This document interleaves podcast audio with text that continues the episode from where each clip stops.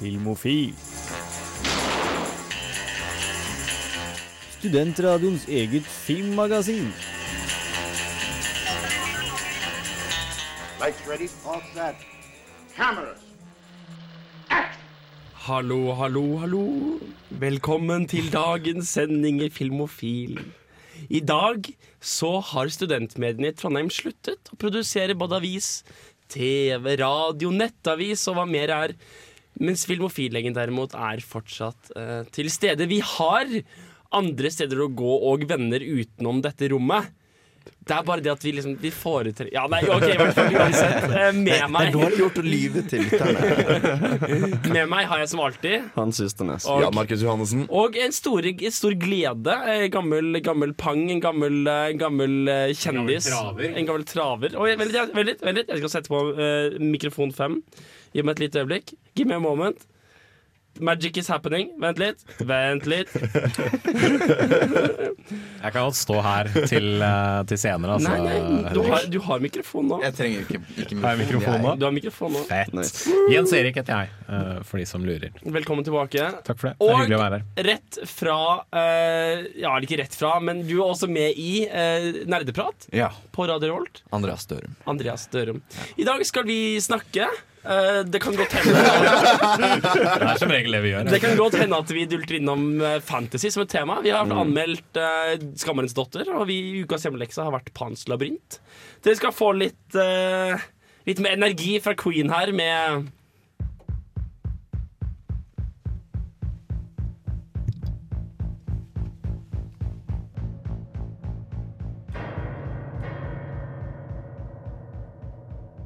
Er de ferdige? Det. De kommer ikke til å rope flash i siste sekundet? Nei, ok. Velkommen tilbake til, eh, til Radio Revolt og Filmofil her på, på avslappet eksamenssending. Eh, vi har eh, en vane for å begynne eh, våre, våre, våre sendinger med siden sist. Der eh, paneldeltakerne, eller, eller radiopraterne om du vil, prater om hva de har gjort siden sist. Preferabelt noe som har med video eller, eller kino å gjøre. Skal vi begynne med gjesten Jens Erik Våler. Mm, hva, hva har du gjort siden sist? Um, jeg for et par uker siden var på en kinovisning av Avengers Age of Ultron uh, sammen med Hans, blant annet. Yes. Det var en uh, veldig veldig kul film. Jeg skrev en anmeldelse for nettstedet radcrew.net for de som er interessert i uh, å lese hva jeg har å si om superheltfilm. Mm, og på Radcrew har du, er du også med i en podkast som er Det stemmer. Uh, Eh, rettet mot, eh, rettet mot eh, TV-serier som heter Sesongarbeiderne. Mm. eh, som for tiden jobber seg gjennom eh, Firefly, altså alle episodene pluss da Firefly-filmen Serenity. Veldig kul serie, og for de av oss som har sett Firefly mye, så er det en del kule, kule observasjoner i det greiene der. Altså. Mm, takk. Og eh, ja, Andreas? Ja, er det, altså, eh, er det liksom et eh, kommentatorspor? Nei, det er det ikke. Nei, det er liksom Det er I sånn- denne episoden snakker vi om første episode. Ja. Ja. Vi ser en episode, og så diskuterer vi oss gjennom eh, episoden. Hva som Ja. skjer, og hva vi synes, og, og kanskje litt sånn historier om hva som skjer Hva som har skjedd bak kulissene. Eh, ellers så har jeg fulgt en del med på TV-serien uh, The Flash. Eh, Ikke Ja. Flash Gordon, men superhelten Flash, han som Ja. løper veldig veldig fort. Jeg syns den serien blir bedre og bedre. Ja, det må nesten det. Den har ingen, ingen vei å gå fra begynnelsen. Nei, altså, men jeg liker den så mye bedre enn en del andre sånne superheltserier. I hvert fall mye bedre enn f.eks. Arrow, som er så utrolig alvorlig og Batman-aktig. Ja. The Flash tillater seg å være tullete, være veldig sånn tegneserieinspirert, og, og kan, kan ha det litt moro, da. Uh, så det syns jeg er en uh, kul serie. Og så har jeg fulgt en del med på andre sesongen av Silicon Valley.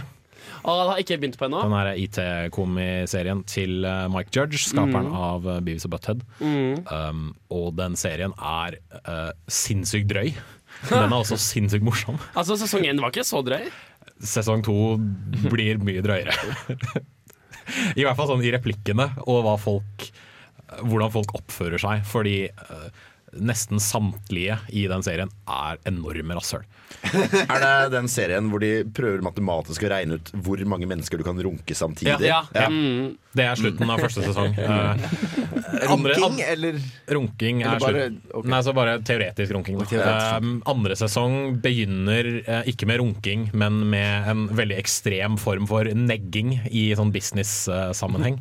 eh, som ender med at en fyr eh, plasserer testiklene sine på et uh, møtebord. Ja, men fordi sesong to handler om at de liksom realiserer den nye, vellykkede teknologien sin. Stemmer. Andreas Dørum. Jeg har sett, eh, altså Apropos superheltserier, så jeg har sett det, kanskje den mest alvorlige og mest sånn eh, Batman-aktige eh, superheltserien du finner eh, for tiden. Daredevil. Ja. Mm. Eh, men den er også veldig, veldig kul. Eh, spesielt eh, andre episode er dritfett. Det er jo også en serie som heter Gotham, som går nå på TV. Det, tror jeg meg kjent ved. Jeg så to episoder, og så fant jeg ut at vet du hva? Dette er ikke interessant. Nei, altså jeg hadde, jeg hadde akkurat samme opplevelsen. Men, eh, men Daredevil syns du er the shit, Andreas? Er det, er det litt som The Arrow, at det er, det er bra uten å helt være god på en enkel måte? Jeg har ikke, jeg har ikke sett Arrow. Altså Arrow er, Men, jeg, eh, jeg tror jeg nevnte før, men Arrow er bra litt uten å kunne beskrive hvordan. Det er ingen enkeltting som er bra ved Arrow. Arrow er bare bra. Men altså, eh, jeg har òg sett eh, Daredevil siden sist. Og jeg syns det er kult, for det er på en måte annerledes. Sånn at det, det, det er på en måte en kombinasjon mellom å være en superheltserie og å være litt sånn der krim-advokatdrama. Mm. Og det er overraskende mye fokus på krimadvokatdrama. I, hvert fall- i. I hvert fall i begynnelsen av serien. Ja, for det er jo en, altså, Daredevil og Matthew uh, Maddock, Murdoch, Matt Murdock. Murdoch, som er da mannen bak Daredevil. Han er jo den første vi har sett fra Marvel som er en skjult superhelt, vel? Alle Avengers er jo åpne superhelter. Så vidt jeg Sånn mm, Altså fordi altså, Flash Ja, MCU har. Tony Stark kommet ut? Ja, for Ja. det har han. Ja, Tony Stark sier jo at han er Iron Man. Batman, Batman. Altså Noen, noen vil si at Batman er en Å ja, fuck, faen. Marvel. Never mind. Eh, men så du får den dynamikken, og så er han mer et vanlig menneske. Altså Han har liksom super sånn ekko Han er blind, men han kan liksom høre hvor alt er, og sånn. Så han er ganske Og han kan lukte ting veldig langt. Alle de andre sansene hans er forsterket i veldig stor grad. er supernyttig, men altså, han er mer et vanlig menneske enn Ja. Eh, Thor. på en måte Så du får med den dynamikken der om at han er veldig menneskelig og blir veldig banket og har det veldig vondt. Og det er veldig kult å få det aspektet av det. Nei, Siden sist så planen var egentlig at jeg skulle se The Grey med Liam Neeson. Liam Neeson. Eh, Ja, han der.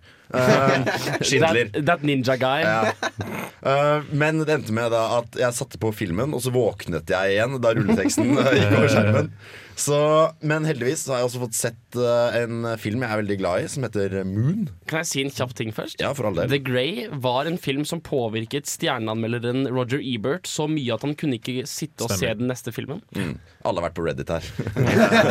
oh, det er det. Skal, jeg, skal jeg få det for å faktisk vite en ting? Mm. du må, få, du må få, få deg venner som ikke er på Reddit. Ja vel, kan- Da er vi ikke interessert i å høre mer om hva Jan Jan Markus har Jo, eh, sett. jeg skal Eh, fortelle. Hans Ystanes, hva har du gjort siden sist? Du, siden sist så har jeg sett um, Jeg har som sagt sett Daredevil. Uh, kjempegøy. Uh, og så var det litt sånn Å, nå har jeg jobbet mye, nå er jeg sliten og lei. Jeg må se noe lettbeint. Så jeg, jeg så uh, Jeg elsker om du leverte det. Jeg må se noe litt Ja, nei, det, jeg er jo fortsatt litt i den statusen der. Ja. Em, så jeg så Jeg begynte å se Rick and Morty på nytt igjen. Det er en kul serie. Eh, Hva er- hva er det? Det er, en, det er han der eh, fyren fra Dan Community. Dan Har Harmon. Uh, som, har, som har lagd en sånn tegneserieting. Mm. Uh, som handler om en uh, kid på sånn 13-14 år og hans bestefar, som er super science-fyr. Som reiser rundt eh, mellom dimensjoner og i tid og sånn og gjør syke, wacky Mm. ting og parodierer alt og alle. Og det er dødsgøy. Det høres veldig kult ut, da. Yeah. Se for deg Back to the Future hvis Doc Brown alltid var veldig full og veldig, og veldig ubehøvlet. Hvor er det man kan se denne serien? Er det på Netflix? Det Netflix ligger, liksom? alt ligger ute på Adult Swim, er det?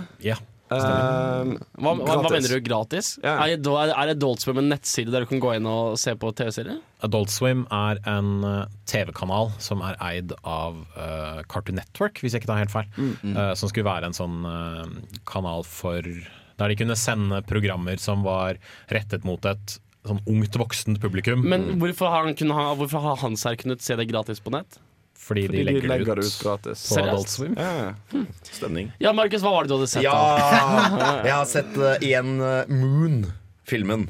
Som er sånn lofi, uh, sci-fi, som er det er litt sånn go to-filmen for uh, det er sånn, Å ja, nei, men vil du ha, vil du ha en uh, sci-fi-film du sikkert ikke har hørt om, som er dritbra og lavbudsjett og jævlig ålreit sånn?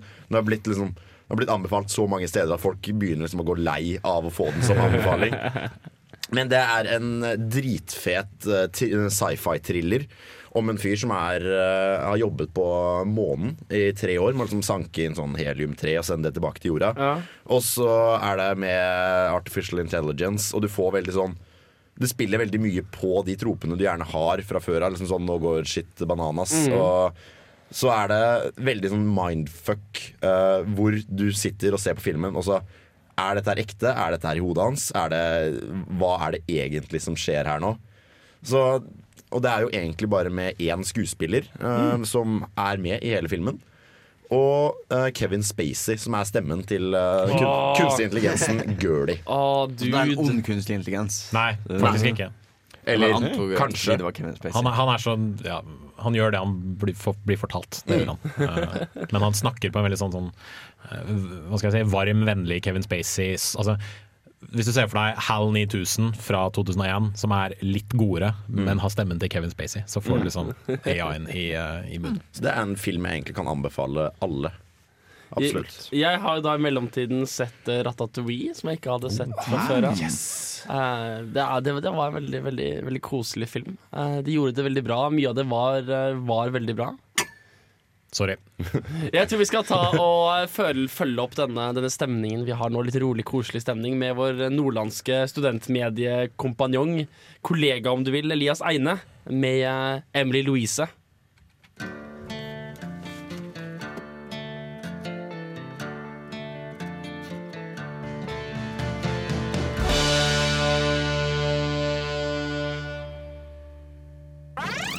Filmofil gir deg nyhender fra filmen og fjernsynets i spanende vær. Og selv om vi kjører på halv tønne, på halv ballong, på bakbrennerne her i dagens avslappede fil, Mofil. så er det på tide å sette over til vår faste nyhets nyhetskorrespondent Hans Ystadnes. Hallas. Eh, ja, vi begynner med å snakke litt om Suicide Squad.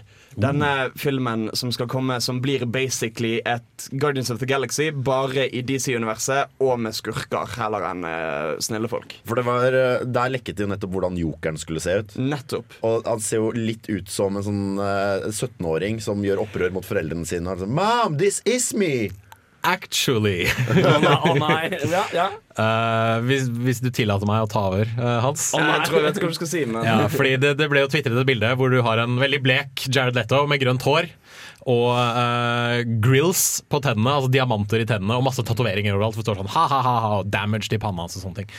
Folk ble kjempesure og sa faen eller dette er ikke den joker vi kjenner. Og rett etterpå så kom det ut et nytt bilde så sa det at ja, men det der det var bare et sånt promobilde i forbindelse med jokerens 75-årsjubileum. For uh, tegneseriefiguren har uh, eksistert 75 år. Uh, han er faktisk helt uten tatoveringer i filmen, basert på sett-fotoer av Jared Leto, hvor han sitter der med egentlig bare grønt hår og er veldig blek. Ok, Så det, det var ikke bare sånn der damage control. Sånn der, Dette her liker ikke internett. Vi lager et nytt bilde. Det, kanskje, jeg vet ikke. Men han, han vil forhåpentligvis ikke se ut som liksom, uh, tulleversjonen av uh, han derre James Franco-rollefiguren i Spring Breakers. For det er sånn han ser ut.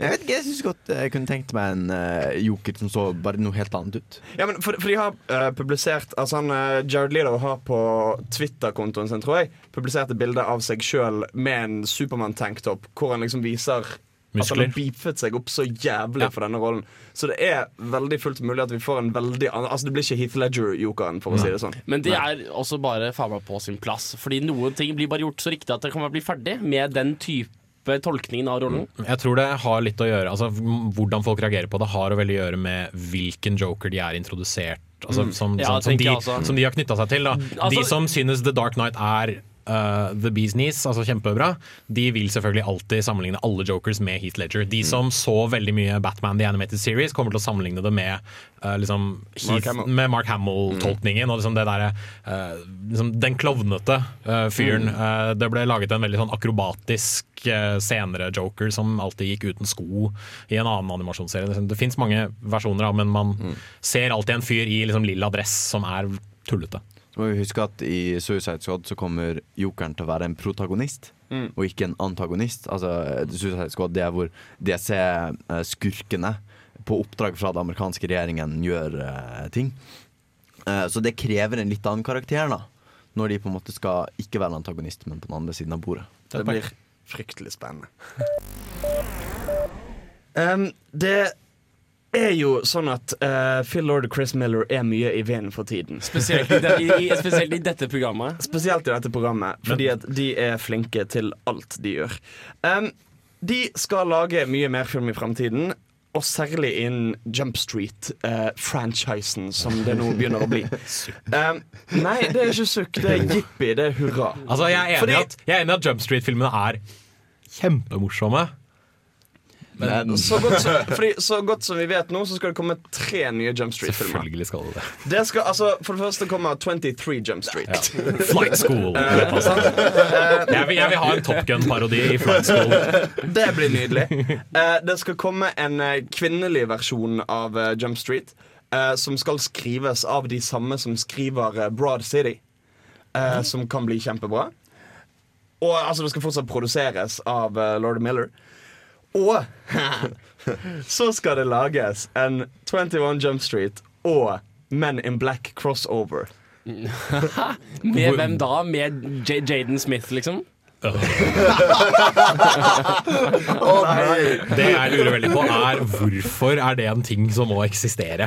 Fordi, ja, men ok, ok Selvfølgelig, det er dødstøysete. Det er Men- helt jævlig. Jo, men Hvis noen hadde klart å gjøre det, så er det jo de. Ja, det og de har for all del, og særlig i. Jump Street, altså Cinematic Universe, som vi nesten må begynne å kalle det. Eh, Så, så har du den at de på en måte parodierer ting som de òg gjør. Mm. Altså For eksempel uh, 21 Jump Street parodierer hele veldig reboot-tingen. Eh, 22 Jump Street parodierer veldig Mm. Oppfølger-tingen. ja. Og at dette da, altså for eksempel det med at de skal lage en hel sånn kvinnelig versjon, kan to- tolkes som en parodi på det som er blitt en moteting nå, for Ja. eksempel med Med Ghostbusters, Ghostbusters, og ja. sånn. Mm. Um, og Men in Black Gang bare blir en slags parodi på fanfics og alle mulige sånn idiotiske nettting og crossover-ting som fins. Og jeg, jeg tror de har det i seg å lage filmmagi ut av det. Det er litt sånn Det virker som de nå liksom, Yes, vi har klart det. Ok, Nå skal vi bare se hvor mye dritt vi klarer å slippe unna med. Ja, men de, de har jo sluppet unna med så utrolig mye allerede. Jeg gir det én uke, og så annonserer en crossover av en langbeint film og Saving Private Ryan. Eh, artig nyhet angående oppfølgeren til Zoolander. Justin Bieber skal være med. Jo. Hæ?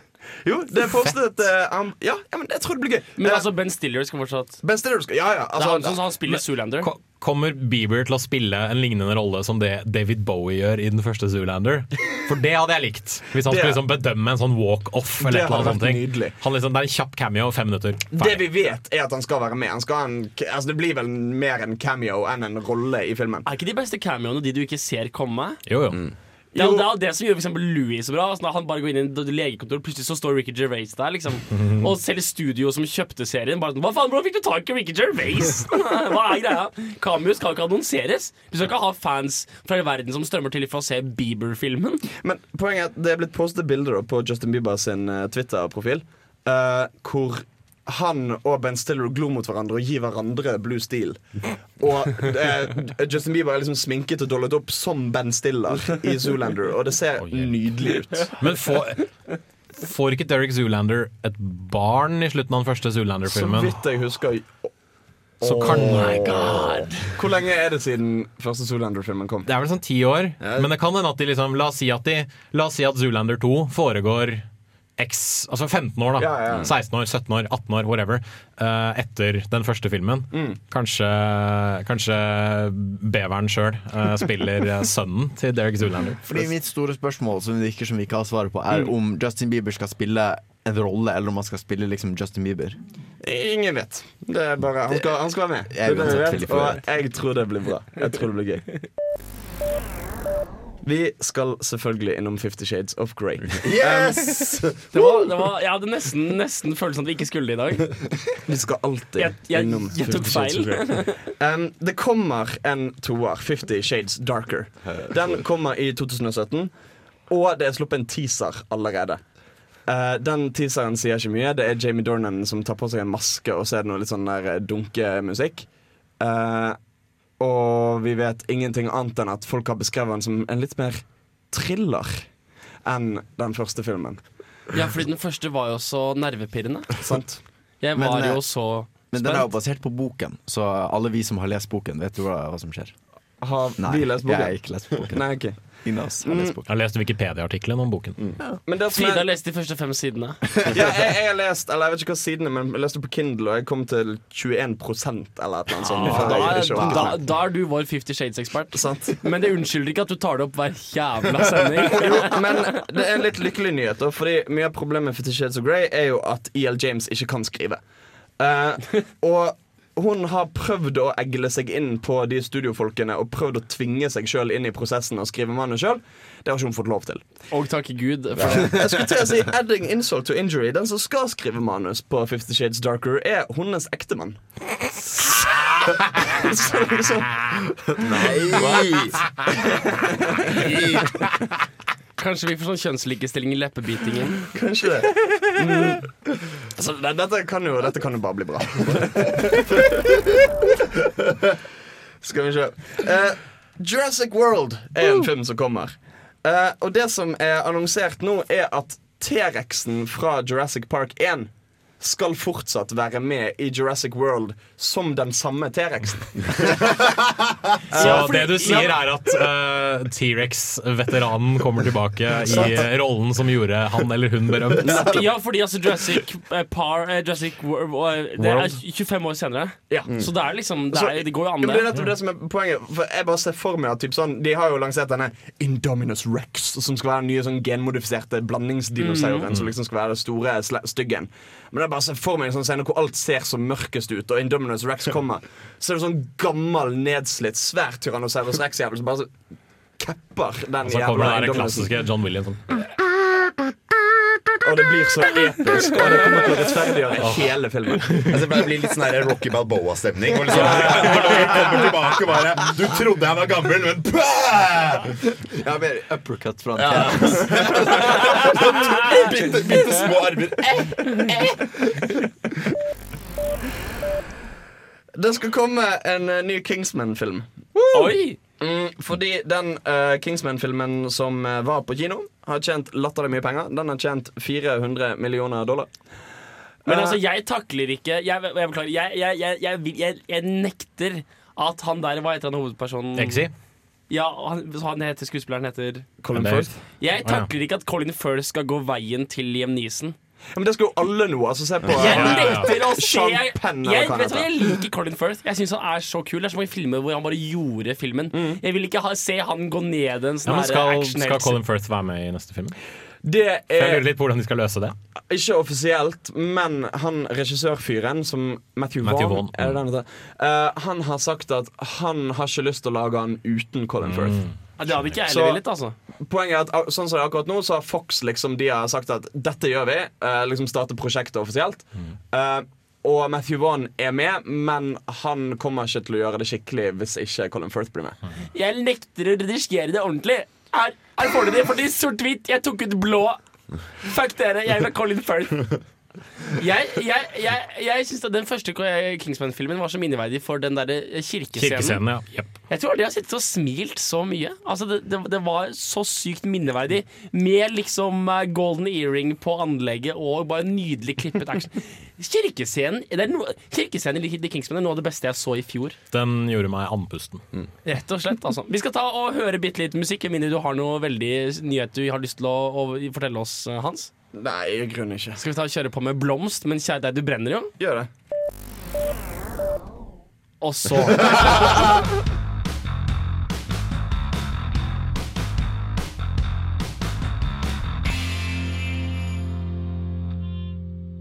Eh, en av oss denne uken har faktisk gjort noe, noe nyttig rent sånn filmofilmessig sett. Det er, dessverre, det er dessverre ingen av oss, da, gutta. Det er, eh, det er gjesten Andreas Dørum som har vært og gjort hva? Ja, du, på mandag så så jeg Skammerens eh, datter, eller Skammerens dotter. Ja, for det er en nynorsk bok. Ja, fordi altså, det er en dansk bok. dansk En eh, Dansk bok. gammelnorsk bok. Det er ingenting som ikke er norsk. Det er, det er, enten er det utvandringsnorsk, eller så er det gammelnorsk, eller så er det Ok, Men det er en dansk bok som ble oversatt til nynorsk i, i sin tid, som jeg leste eh, når jeg var, eh, var sånn 10-11-12, kanskje. 8. Jeg er ikke, jeg er ikke så gammel. Jeg er ikke Nils Erik. Jeg er bare 27. Oi! Oi. Oi. I hvert fall. Uh, jeg leste den for en evighet siden, uh, så da tenkte jeg hei, jeg kan jo se den og anmelde den.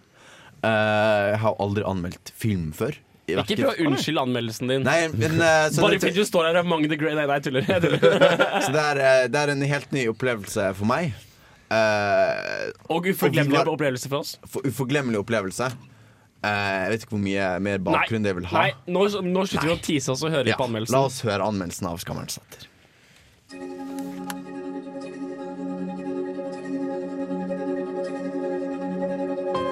Skammerens datter er en spenningsfilm for barna som synes Narnia er litt teit, og som er for gamle for Kaptein Sabeltann. Det er en solid film som kommer til å engasjere aldersgruppen sin, men utenfor kinosalen blir den nok fort glemt.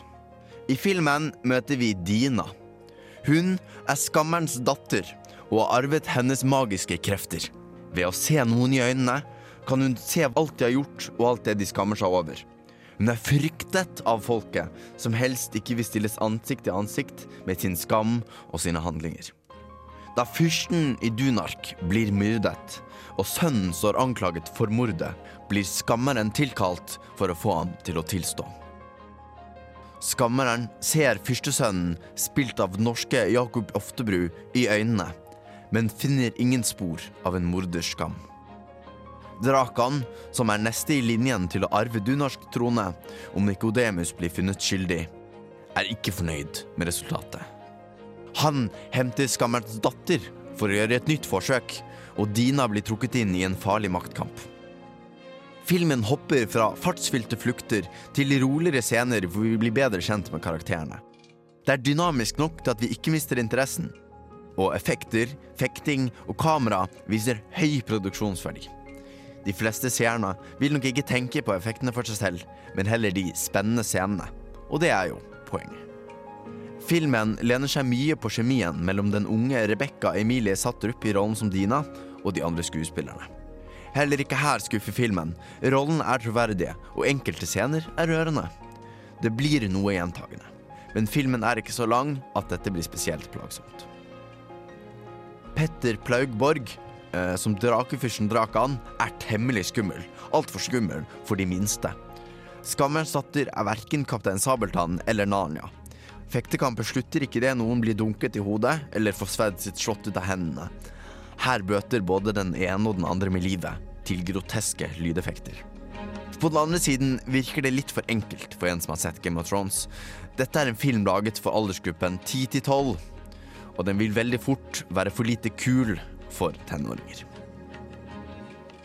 Filmen forsøker å treffe denne smale aldersgruppen mellom Narnia og Game of Thrones. Det er en smal blink, og den filmen treffer ikke helt. Den faller litt mellom to stoler, for brutal for de minste, men eldre vil nok fort avskrive den som for barnslig. Filmen er alt i alt solid håndverk, og hvis du har en eh, Ja. Hvis du har en, skal jeg bare Altså, det jeg sa der på slutten. Eh, hvis du har en, et yngre søsken som av en eller annen grunn hater superhelter, eh, så kan dette være en grei kinoopplevelse. går det an. Jeg vet ikke. Broren min liker superhelter. Eh, jeg har tilfeldigvis en lillebror som kommer her og besøker meg om en uh, uke eller to. Uh, uh, han er ni år gammel, blir snart ti. Så du har, du har allerede fått muligheten til å ødelegge ham? Sant? Ja.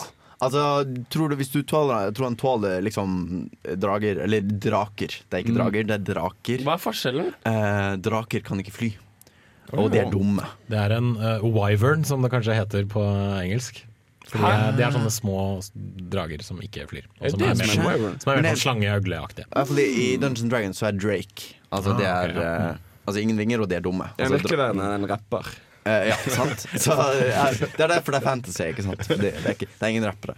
Uh, men uh, altså, hvis du tror han tåler spenningen, og litt sånn altså, når noen blir stabbet, så lager sånn lyder. Eh, men da burde det gå fint. Du kan eventuelt stikke og se noe annet. Det går også X- X-Makina, for eksempel. Med min lillebror på ikke En, liksom, en film som under, liksom, utforsker menneskelig seksualitet og vold og psyko-faen. Stein, du likte jo Shame. Du husker Lolita vi så at du hadde, når, når du var syv? Nei, Det blir jo ofte sånn at eh, altså, protagonisten på en måte definerer litt hvilken aldersgruppe det er. Eller i hvert fall hvem, hvem det er ment for. Eh, og Dina er en liten jente. Så jeg tror altså, gutter kan være litt skeptiske til filmer med kvinnelige hovedroller. Fordi de tenker å, eh, jentefilm. Men der igjen, så det trenger ikke nødvendigvis Jeg ser liksom hva du mener med at det ofte er en trend, men eh, for å liksom foreshadowing uh, Senere skal vi prate om Pans labyrint, og der er det jo en liten jente som er uh, protagonisten. Og den filmen er jo fucked up for alle aldre, holdt jeg på å si. Hva, med, hva med American Sniper? Du kan ta den med på den. Ja, Går den fortsatt på kino? Ja, jeg tror det. Jesus Christ. Prøv bare å finne argumenter for ikke å gå på filmen. Jeg Jeg sier bare Furious 7. Ja, men den er dritlættis! Ja, den er jo sikkert bra eh, for en liten Jeg hadde håpet at jeg at jeg skulle klare å pra- prate videre et, etter at jeg sporet dere av. Jeg syns gjerne vi kan komme tilbake til Skammen og datter. Ja, fordi det er ikke, er ikke, altså jeg har hørt litt på Filmofil, og er ikke dette her, når man diskuterer anmeldelsen og Jo, jo, kommer med spørsmål? jo, Sånn jo, jo, jo. jo, Så kan, dere kan godt komme med noen spørsmål. Altså, Big Hero 6 er filmen du burde, du burde, du burde ta med. Den har han garantert sett, og den er dårlig. Jeg likte den ikke. Um, men det jeg du si For jeg, jeg, jeg likte jo bøkene jævla godt Når jeg var, jeg var liten. Og um, Altså jeg synes det var på en måte så gøy, for det er så, det er så nesten, nesten ikke fancy. ja. Altså Det er akkurat sånn at du har det der semimagiske elementet med det at hun kan se liksom alle tingene de skammer seg over. Ja, Men det liksom det stopper der. Ja, for det er ikke, det er ikke flammer. drager. Eller noe. Ja, og Jo, men- de er liksom ja, men De er bare store øgler. Ja, på en sant. måte. Det er på en måte De er bare et dyr, liksom. Ja, du kunne liksom puttet Altså, løver kunne vært akkurat det samme. Jeg tenker at det er en, en interessant type sjanger av fantasyfilmer der om det er fantasy og hva det er som er ekte og ikke ekte, er en del av spenningsmomentet. Ja, det kan du si. Det er jo noen uh, Game of Thrones er veldig god på det, hvor det er på en måte uh, uni, uni, Univers har selv glemt at det er magisk, på en måte. Altså eh, Og her også er det sånn Dette er hvordan eh, europeisk middelalder ville behandlet folk med magiske krefter. Ja. De, liksom, de kan være nyttige av og til. Altså de Skammere de brukes i sånn eh, rettssaker og sånn. Men eh, med en gang de er ferdige, så flytter de tilbake til gården sin, som er langt vekk fra alle, og vi vil ikke se de, og alle kaller de for hekser og sånn. Så det er liksom Det er sånn sett ganske realistisk, da. Ja, for det husker jeg fra bøkene at hun, eh, Dina, hun jenten, ble veldig sånn mobbet av Ja. venner og sånn fordi at de, ble friket ut av disse tingene hun kunne gjøre. Ja, det skjønner jeg jo egentlig godt, da. At liksom, hvis du har, la oss si at du har en venn som kan se alt du skammer deg over. Det er Ja, ja. sånn Dagen derpå så går du møter denne personen, og så er det sånn Nei, nei ikke, ikke se meg i øynene. Men, men det er jo på en måte Det blir sånn gøy dynamikk, fordi at uh, hun blir jo venn med han der hva han heter Nicodemus. Nicodemus. Um, og, og da blir det på en måte sånn at han lar hun se han inn i øynene, og det blir litt sånn Åh, Og det, og det er en, det er sp spennende greie, altså litt sånn moral for de små, da. At måte uh, At det er greit å skamme seg. Altså Ja. Nikodemus, førstesønnen, han eh, kan jo avsløre såpass mye at han er egentlig en ganske sympatisk fyr, men han skammer seg veldig mye over alt det gale han har gjort. Mm. Uh, mens Drakan, som er litt skummel, han skammer seg over ingenting. Det sant, Og det er det som er Og det er litt sånn tvetydig. Altså, I begynnelsen så er det litt sånn hm, Altså, Han tør å se Dina i øynene, og det er jo koselig. Og liksom noen som ikke er redd for henne. og sånn Men så er det litt sånn skummelt med noen som ikke skammer seg over noe. For det er en greie at han, de, han, Hun kan bare se det folk faktisk oppriktig skammer seg over. Ja. Så hvis du er fullstendig batchet psycho og aldri skammer deg over noen ting, så kan du ikke se noe heller. Nei. Kult. Så det er, altså, det er, det er mer sånn voksen form for magi enn liksom 'flammer ut av hendene'. Eh, så det er, sånn sett liksom, ikke, Det er kanskje en moral der for uh, små barn. I hvert fall litt sånn spennende spørsmål som man kan kanskje diskutere med mamma og pappa etterpå. Det er altså en god film å se hvis du har besøk av lillebroren til Hans.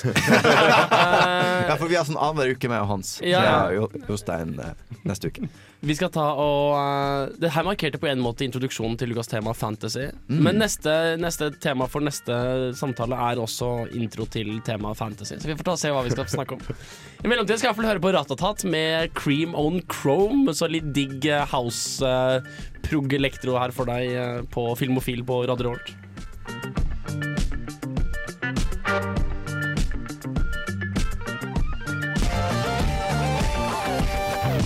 For et program i burra med både klasse og stil. Du hører På film og film. Kling! Fantasy er en type historie som ikke kan foregå i virkeligheten. Det er der vi begynte i forrige uke når vi begynte å planlegge tema. Men det kom, vi kom fort frem til at det er ikke, det er ikke bare bare. Man kan vel si det sånn at så lenge det skjer noe overnaturlig, som Ja. ikke har en slags vitenskapelig forklaring Ja, eller altså Overnaturlig er én ting, men du kan jo ha fantasier som bare, bare handler om parallelle virkeligheter. Eller, noe sånt, eller er det da Det er mer, fiction? det er mer sci-fi.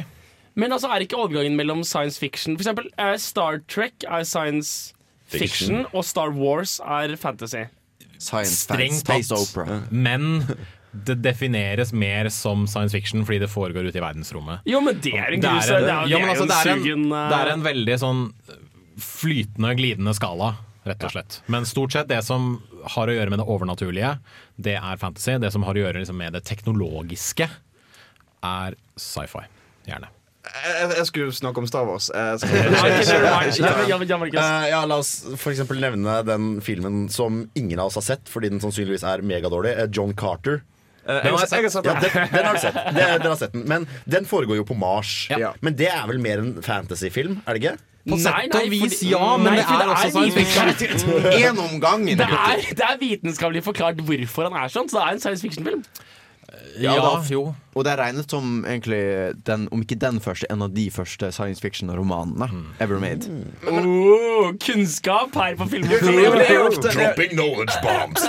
ja, men det går ofte mer et slags hva skal jeg si, tematisk skille heller enn et rent definert 'dette inneholder det og det, derfor er det ja. det'. Altså fordi Grunnen for eksempel, til at jeg syns Star Wars er mye mer fantasy enn det er sci-fi, er at han ikke overhodet har den der spekulative naturen. Litt sånn Mm, yeah. trekke tendenser som vi ser i dag, til sin ytterste konsekvens. De har ingen sånn syn på teknologi eller noe sånt. Det er bare pjo, pjo. Ja. Det er på en måte det det har. Oi, Det er ganske dyp analyse. Altså at Forskjellen på fantasy og, star og science fiction er at science fiction ja, men, har men, ja, men, ja, men altså, Alle de liksom klassiske store sci-fi-tingene Er jo på en måte har veldig sånn allegorisk Ja, ja, ja, ja, virkning. Ja, men 1984, samme Du kan si det samme om fantasy. Nei, men uh, Fantasy er mye mer tilknyttet til sånne derre uh, fabel, fabler og, Det er absolutt sant. og Heroes den Journey. hele menneskelige den kulturen, den menneskelige kulturen-kommentering, mens, mens eh, liksom sånn derre Ja, vift, vift hardere. Ja, sant, fordi, altså, Du kunne byttet ut alt i Star Wars med magi, og yeah. det ville ikke egentlig forandret noen ting. Nei, sant? absolutt ikke. Du, men du kunne byttet ut lasersverdene med vanlige sverd og Ja. satt det til middelalderen. Altså, den, denne filmen eksisterer alt. Den heter Eragon. Æsj. Ja, i like Ja, måte. Bøkene er for så vidt bedre. Ikke at bøkene er kjempefantastiske, de heller, men ja. Uh, det var det jeg ville si. Ja, men det er en veldig sånn, sånn glidende skala, og det, jeg tror det er litt som uh, pornografi.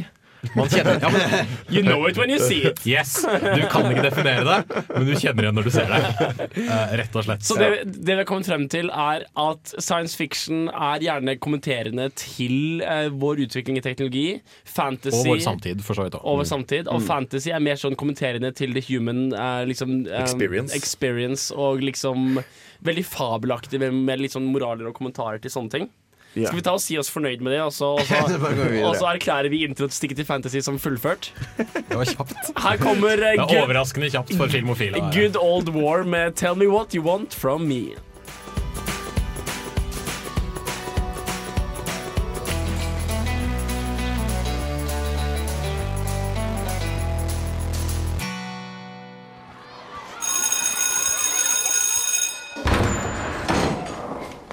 No foolish wand waving or silly incantations in this class.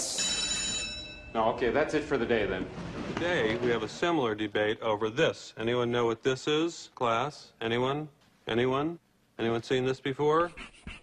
Ukens hjemmelekse. Og eh, ukens hjemmelekse var uh, Pans labyrint. Som eh, jeg da etter hvert oppdaget Pan var jo da denne, denne feen, denne faunen. Da. Og eh, det var da denne labyrinten. Da, det var på en måte ja. Det er det du har lært. ja. Pans labyrint er jo da var det Guillermo del Tormo Nei, om Guillermo del Toro. Guillermo del Toro har da laget en film der han tar både Han har laget en film som er både krigsfilm og fantasyfilm, og så har han laget en voksenversjon. Og han tar begge filmene helt ut. Altså han, Du får hele krigsfilmen og du får hele fantasyfilmen på en voksen måte der ting går galt. Og jeg likte den ikke. Ikke? Nei, Hvorfor den, ikke? Nei, jeg, vet ikke, jeg, jeg likte den ikke. Det var, det, det var jeg, det var ingenting ved den som fikk meg Altså, jeg, jeg, jeg er verken så fascinert at en ubehagelighet blir nyttig. Og eh, jeg, ikke, jeg gledet meg ikke på noe tidspunkt. Jeg likte, ikke, jeg likte den ikke. Jeg syntes, jo, én ting var kult, og det var det der, the, the Faceless Monster. Altså han med øynene inni hendene Ja. sine. Mm. Den, det, det, det, det likte jeg. For, for, det, for det er noe av det skumleste jeg har sett i en film, uavhengig Det, av sjanger. det var shady as fuck. Det er, det er den scenen hvor du liksom sitter og skriker skjermen Han sa 'ikke rør maten'! Han sa 'ikke rør maten'! Og så er hun der maten, og så Ja, Hun er jo et barn, hun vet jo ikke bedre. Det er sant. Men eh, det kan jo kanskje nevnes hva dette her handler om. Det er en fantasyfilm. Ja. Det er en, uh, nå skal jeg prøve å huske dette her, Fordi jeg ble jo bare invitert til sendinga i går kveld. Jeg har liksom ikke rukket å se på. Altså, Vi antar jo at du bare har alle som et kartotek. Ja, men, eh, ditt. Hvis jeg ikke husker helt feil, så er det Hvorfor skal du introdusere temaet som ikke har sett filmen på under, dritlenge? under den spanske Det er, det er under Borgerkrigen. Sånn, borgerkrigen ja. Mm. Så er det en ung jente og hennes mor som flytter inn til uh, morens nye ektemann, som er general eller kaptein eller sånt. Han er kaptein i, i, i Franco-hæren. Francos her, ja. Og så øh, Moren er gravid, og så begynner øh, denne lille jentungen å utforske naturen og alt mulig sånt rundt dette godset hvor, øh, hvor denne kapteinen bor, og oppdager at shit, her er det en eventyrverden med mye rare ting. Mens da krigen gjør at alt rundt dem bare kollapser og går til helvete. Ja. Og får, får du noen oppgaver om å på en måte Ja, det er veldig sånn Det er veldig sånn Brødrene Grim-aktig, litt sånn Askeladdin. Sånn, ja, du må gjennomføre disse tre oppgavene fordi uh, vi tror, eller jeg tror denne faunen uh, tror at uh, hun er en reinkarnert prinsesse, eller et eller annet sånt. Nå tror jeg det er. Ja, for det er et eller annet med at hun er dronning og skal arve Yes. Arve det der Hun, eventyrkongeriket. hun er datteren til herskeren av dette kongeriket, og for å komme tilbake så må hun gjøre det hun må skaffe en kniv, hun må skaffe en nøkkel, og hun må Ja, det, spoil plot point, men, Ja, men det, er- det er hjemmelekse. Og hun må ofre sin holdt på å si, førstefødte og, og blø på, på statuen slik at portalen skal åpne seg. Ha. Og det hele greia er liksom Det er en, det er en sammenhengende oppgave. Det er ikke tre forskjellige Mm. som, i, som i Askeladden, hvor liksom Å, du må finne en, en, en nøtt i en halmstrå, og, og så må du gjøre noe helt annet, og så noe helt annet. Mm. Dette er sammenhengende, liksom. Det jeg syns er så fascinerende med den filmen her, det er jo at uh, du møter denne faunen, og sånn i løpet av filmen så har du på en måte sånn OK, nei, han er snill. Nei, vent da, han er slem. Hold deg Ja. unna. Nei, han er snill. Ja. Nei, er, er, jeg vet Ja, ikke hva jeg skal tro. Jeg syns det er ganske kult, fordi Ja. det er en sånn Altså Gamle eventyr har vel en sånn klar sånn skille mellom det som er godt og ondt, Mm. stort sett. da Mm. Mens her er det den derre tvetydigheten. Man vet aldri helt om Foregår dette her i hennes fantasi? Er det noe hun dikter opp fordi hjemmelivet hennes er helt jævlig? Er det Mm. noe som Altså Blir hun utnyttet av krefter hun ikke forstår? Og så videre og så Og så er det noe den filmen også gjør, er jo at den utforsker For det er jo en del, det er en del eventyr, eh, spesielt Brødrene Grim og disse litt mer seriøse eventyrene, kanskje ikke så mye av de norske, men en del av de også har det karakterer som som uh, De har en veldig mørk bakside som, som, som historien ikke utforsker. Så du har masse eventyr der folk har veldig mørke baksider uten at det blir utforsket. I denne filmen så blir det på en måte veldig belyst. Og jeg føler, altså, det er en, en film med liksom et ganske sånn Den virker veldig dyp. Det virker som det er veldig mye under overflaten, og jeg får en følelse av at det hele er en, noen metafor på gang. Og hva på en måte, dette eventyret representerer. Men jeg blir ikke helt klok på den. Jeg, jeg, jeg har ikke fått så veldig mye ut av denne filmen, for jeg Nei, tror ikke helt jeg har skjønt den. Men jeg, jeg tror ikke fordi jeg fikk egentlig ikke inntrykk av det. Eller jeg, jeg tror på en måte Jeg tror uh, Guillermo del Toro generelt lager filmer som bare skal være liksom face value. Uh, Altså, ja, Han har jo laget Pacific Rim, for eksempel. Og, ja, men, Men samtidig, du kan trekke utrolig mye ut av Pacific Rim. Det er en, øh, Ja, nå, nå, nå er du verdensmester i å tolke Nei, men, nå, det, positivt. da. dette er ikke min uh, tolkning, men jeg syns, Pacific Rim er en knallfilm. Det er en uh, fyr som kaller seg selv Dr. Nerdlove, uh, som jeg anbefaler deg å sjekke ut, Andreas, du som er interessert i ja, menneskelige forhold og sånne ting. Uh, som I motsetning til resten. Jeg har vært ute! Ja, men Han har skrevet en jævlig god artikkel som du finner på bloggen hans, drnerdlove.com, om positive mas positiv maskulinitet du kan trekke ut fra bl.a. Pacific Rim. Hvor, uh, og det er liksom ja, og liksom tolker dette og analyserer dette og liksom hvor mye sånne positive ting er. Så jeg tror ikke Guillermo de Toro er en fyr som lager ting utelukkende med at liksom, ja, det du ser er det du ser. Du kan trekke liksom hva du vil ut av det. Noen ser Pacific Rim og ser shit, dette er en kjempekul actionfilm. Andre ser Pacific Rim og tenker shit, dette er en kjempekul actionfilm som også kommenterer på moderne actionfilmer, moderne kjønnsroller osv.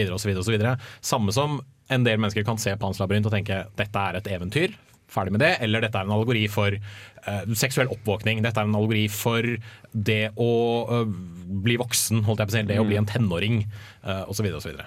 Skal vi ta og høre på klippet du fant, Jan Markus? Uh, ja, hvis Det er det, ligger inne. Ja, det det, er, det er på spansk.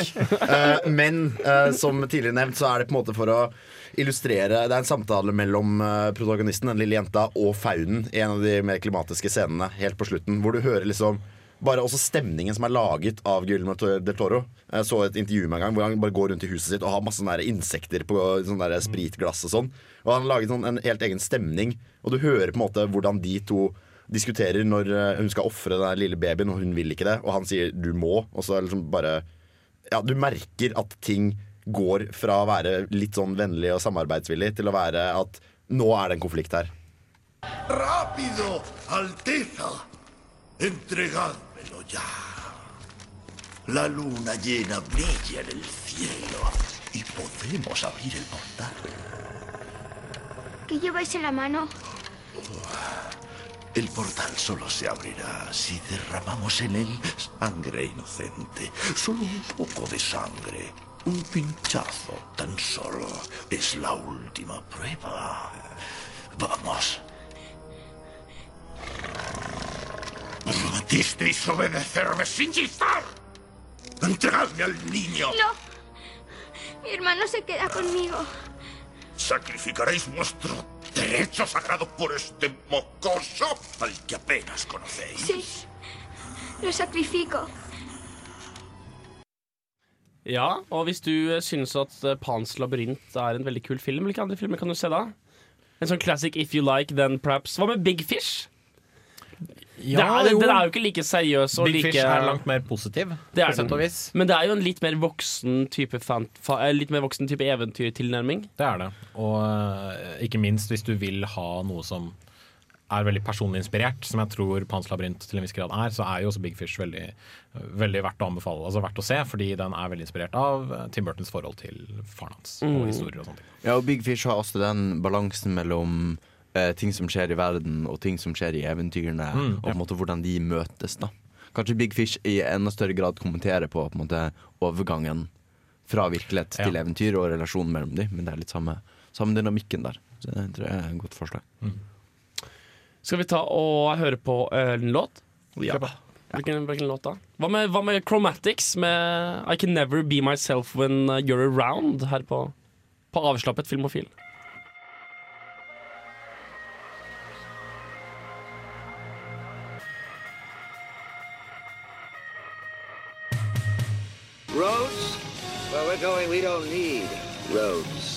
Du hører på Filmofil på Radio Revolt.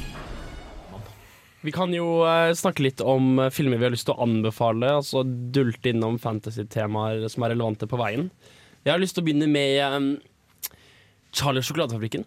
Fordi jeg så originalen for første gang eh, i forgårs. Du mener Willy Wonka and The Chocolate Factory, Willy som den også Wonka heter. and The Chocolate Factory. eh, Med spilt Gene Wilder. ja, Nå holder du kjeft et lite øyeblikk, og så, og så sier jeg det jeg skulle si. Eh, skrevet av Filmautisten slår til igjen. Boken er skrevet av Roald Dahl, eh, screenplay er skrevet av Roald Dahl. Og Gene Wilder er Skrevet av Roald altså Dahl, så utrolig kul i denne filmen. Og det var in in interessant Hvis ikke folk har lyst til å snakke om Willy Wonka and The Chocolate Factory, kan vi eventuelt snakke om eh, ad adopsjon Adapsjon av eh, litteratur til, eh, til type, type film. Ja, fordi veldig mange av de sånn veldig fantasy-fantasy. Altså Når jeg sier fantasy, så tenker kanskje folk på Ringenes herre. Uh, Mye sånn sverd og Ja, sverd og ja, og trollmenn og sånn. Og det er veldig mange av de er bøker. sant? Yeah. Mm. Ringenes herre-bøkene. Uh, Harry Harry Potter. Potter-bøkene. Mm. Eh, Narnia. Og en, men altså, og en del, eh, en del sånn eldre fantasyfilmer er jo gjerne adopsjoner av liksom, myter og legender. Mm. Clash of the Titans, veldig mange sånne gamle Ray Harryhausen-filmer. Det er sant. Eh, Sinbad-filmene til Ray Harryhausen, blant annet. Det er liksom samme, samme Mm. greia. Veldig mye av det er basert på litteratur. Ja. Men altså, du har, jeg regner med du har lest boken. Charlie and the Chocolate Factory. Willy Wonka and The Ja, Chocolate Factory. Altså, boka Charlie and the Chocolate heter Charlie and the Chocolate Factory, selvfølgelig. Filmen har de valgt å kalle Willy Wonka and the Chocolate Factory. Bare fordi Gene Wilder var så mye bedre skuespiller. Jeg aner ikke. Sikkert. Men er Charlie fortsatt med? Ja, ja, ja. Ja, ja. ja, ja, ja, Det er akkurat den samme historien. Historien er identisk. Bare at av en eller annen grunn. Nei, så det er ikke identisk. De, de, ender, opp, de ender opp i eh, de, de, Det er ikke noe musikalnummer etter at de lander med heisen. Så de, de, filmen, lander jo aldri med heisen i boken. slutter i heisen. Jo, de lander i, Nei, nei. i boken, så kommer de seg ned til eh, familien hans. Nei, nei, De kommer seg ned og så tar de sengen til, til Ja, inn i heisen, og så ikke, tar de av igjen. og det skjer I ikke i, i filmen. Flisespikkeri. Ja, men jeg sa den var komplett, og så kommer noen til å tenke at den er ikke komplett. Det er ikke med den siste, det er ikke med den siste scenen med, med senga. Men det er jo kanskje nøkkelen i adopsjon. da Skal du ta alt? Skal du Mm, ha med ja. alt? Altså, Vi pratet litt om det sist uke med Watchmen. Uh, Ja. Og der er det jo et par av de scenene er tatt direkte fra uh, The Graphic Novel, som det er, altså tegneserien som den er basert på. Og Det er jo en av de, en av de, de tilfellene hvor den funker, og de stedene hvor han har måttet, så har han gått fra uh, boka for å gjøre det litt mer filmatisk. Men altså, jeg, jeg synes, her blir det veldig nærliggende å nevne Game of Thrones. Ja. Uh, og, Spesielt nå om dagen, ja. Spesielt nå om dagen. Og jeg, jeg har lest bøkene, og det, det på en måte, jeg syns det er en veldig forskjell på hvor jeg merker at her har de gjort en endring fordi at det gir mening for å effektivisere og for å tilpasse det bedre. Og grunnen til at det er Du nevner det, og grunnen til at det er spesielt du nevner det akkurat nå, er fordi det er i disse dager hvor Game of Thrones-episodene kommer ut, som begynner å fjerne seg ordentlig fra Ja. bøkene. De begynner Eh, og å ta igjen bøkene også, gjør de ikke det? Jo, jo, for lengst. Eh, og, og de to producerne av Game of Thrones er de eneste annet enn en George R. R. Martin som vet hvordan han har planlagt å avslutte serien. Mm. Så de har intensjon om å klare å binde opp til der han ender opp. Ja. Men de har tenkt å gå dit på en annen måte enn han, enn han gjør. Men det gjør det også litt vanskelig, i hvert fall når de kommer sånn eh, samtidig. Altså en ting Hvis bøkene var en ferdig greie. Altså, vi Ringenes herre, sant? Ferdig greie. De er lest eh, for lenge siden. Og så kan vi se filmene som en helt annen ting. Eh, men nå leser jeg bøkene og ser Game of Thrones-serien litt om hverandre, og da blir det veldig vanskelig å holde styr på. Hva var, hvem var død i filmen? Ja, det er sant. Ja. Eh, det, det blir en utfordring da for seeren å følge med. Men er planen der i serien at Fordi uh, sånn som serien holder på nå, så kommer jo den raskere ut enn bøkene. Kommer liksom Mm. uh, serien til å konkludere hele storyen, og så kommer bøkene etterpå? Det er kanskje en realitet, ja. Og det er Men Det er spesielt, ja. altså. Ja, men Det er kjempespesielt. Men jeg, har- jeg syns også det er en veldig morsom greie, fordi George R. R. Martin er jo med og lager dette her. Mm. Uh, så liksom uh, Det å la serien gjøre litt sin egen greie, og så kommer bøkene etterpå. Det, det tror jeg vel aldri har vært gjort før på samme måten. Jeg syns det er litt festlig at dette er en sånn uh, diskusjon som på en måte opptar det amerikanske TV-publikummet. Fordi japanerne har måttet uh, hanskes Mm. med dette her i veldig lang tid. I manga, med, anime. Yes, Mm. uh, manga, altså japanske tegneserier, blir veldig ofte adaptert til uh, animasjonsserier. Og uh, gjerne mens tegneserien fortsatt blir laget. Wow. Dermed ender man opp med at enten så vil anime-serien eh, ta igjen tegneserien den er basert på, og gå i sin egen retning. Det har skjedd, eh, med, blant, annet- altså det har skjedd med veldig mye. Og i andre tilfeller så bare uh, lager de sånn fyllstoffepisoder. Mm. hvor de bare produserer uh, nye, originale historier hvor ting endres lite grann, og så går de alltid tilbake til status quo på et eller annet tidspunkt. Litt, sånn- litt sånn spin-off, nesten. Ja, på sett og vis. Altså, altså Naruto er for eksempel sånn 100 episoder omtrent. Eh, Hvor det skjer så ingenting. Ingenting skjer. Er det ikke en, en hel sesong 100, vil jeg Er påstå. det ikke, er, det- er det ikke en, hel, en hel sesong der alt en av karakterene gjør, er å lade opp til et angrep? Det er uh, Jeg tror jeg tenker på Dragon Ball, oh, ja, svart, eh, altså. som er liksom den store spøken. Nei, men uh, Naruto hadde jo et tilfelle der de i to og et halvt år kun hadde sånne fyllstoff-episoder som ikke brakte historien framover. Altså Fordi de ventet på, på source material? Fordi de ventet på at uh, hva heter det? Masashi Kishimoto skulle skrive seg fram, altså tegne seg fram mot et eller annet tidspunkt hvor de da kunne fortsette igjen. Uh, det skjer veldig ofte. Det, da ender man som regel opp med at man har da flere animasjonsserier basert på samme manga. altså samme tegneserie. Er spennende. Men, men altså, altså, jeg kjenner at Da tenker jeg litt sånn at når, når det er tegnefilm så kan de jo bare slutte å tegne. For, for, for litt. Problemstillingen med Game of Thrones er jo det at skuespillerne blir eldre. Ja. Og de kan ikke plutselig ta liksom en cast sant. change midt i De har jo gjort gjort det, da. Han er eh, The, Mount, The Mountain. Blir jo spilt, har blitt spilt av tre forskjellige mennesker. folk, og Dariona Harris ble skiftet uh, mellom sesong eh, tre og fire. Å, shit, det har jeg merke til. Det forklarer mye. Ah, det plukket jeg opp først nå. Jeg brukte kjempetid på å plukke opp på hvem han var. Alt seriøst? Ja, ja. Fordi jeg, jeg, jeg så ikke på den, og så så jeg på den, og så leste jeg litt, og så så jeg på den, og så jeg bare, faen, jeg mister totalt oversikt over karakteren. Det var ikke det, han var han! Han var han, Da syns jeg det er veldig innafor å gjøre sånn lampshading. Sånn Dario, you have changed! Yes, litt lampshading, er det et uttrykk? Ja, altså det er å bare å Hvis du har et problem, så bare på en måte anerkjenner in universe at problemet eksisterer. Hvorfor heter det lampshading? Det vet jeg ikke. Jeg må påpeke en Man, man lampeskjermer det, eller jeg vet ikke. Det, det burde jeg vite. Men det finnes jo, det finnes jo da dårlige ad adapsjoner av, eh, av filler. For eksempel, du, du nevnte uh, Det gylne kompass. Ja. Som er den dårligste Daniel Mm. Craig-filmen, og den dårligste Nicole Kidman-filmen. Det er Ja. den dårligste filmen til alle de som var med i den filmen.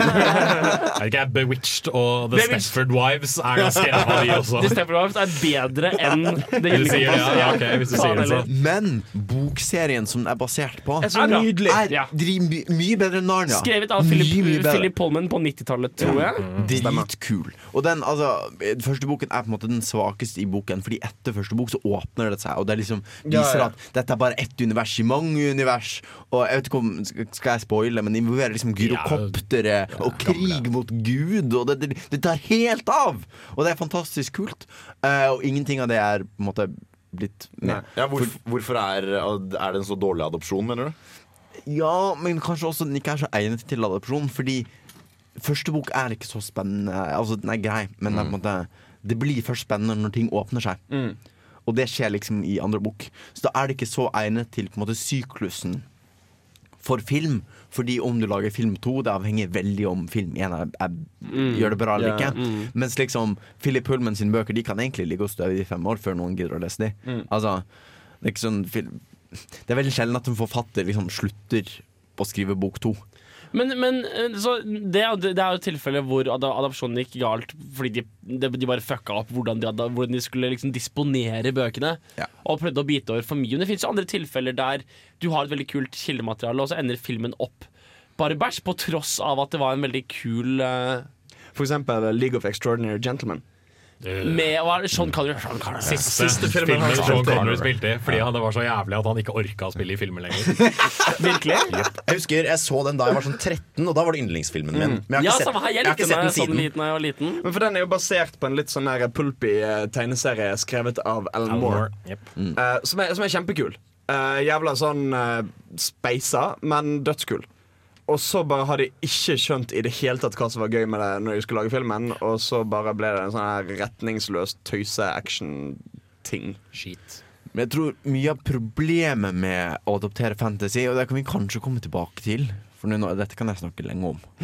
uh, men altså, fantasy har ofte liksom, De skal ha en helt ny verden, og de skal liksom ha tusen sånn, Game of Thrones er sånn typisk eksempel. Sant? Du har liksom masse forskjellige familier, Ja. og kjempelang historie. Og liksom Tolken-effekten. Tolkien-effekten. Ja, Tolken-effekten. Sånn. Altså, liksom, du har Silmarillion, og du har liksom Altså, Du må lage et univers, du må lage, du må lage språket, du må lage folka, Ja. du må lage historien, du må lage intrigene. Du må lage altså det, det første tegnet er når boken har først et kart over Det er et dårlig tegn. Og så på side fem så har du en liste over alle personene som er med. Ja. Og den er mange, mange sider. Det er en eller annen jeg kjente som drev og leste en fantasyserie der, der mange av karakterene het det samme navnet. Fordi det kom fra et spesifikt sted i verden. Og da var det en sånn intro Da var det var en sånn flip-over-side som du kunne bruke for å gå tilbake til å se hvem som var hvem hele tiden.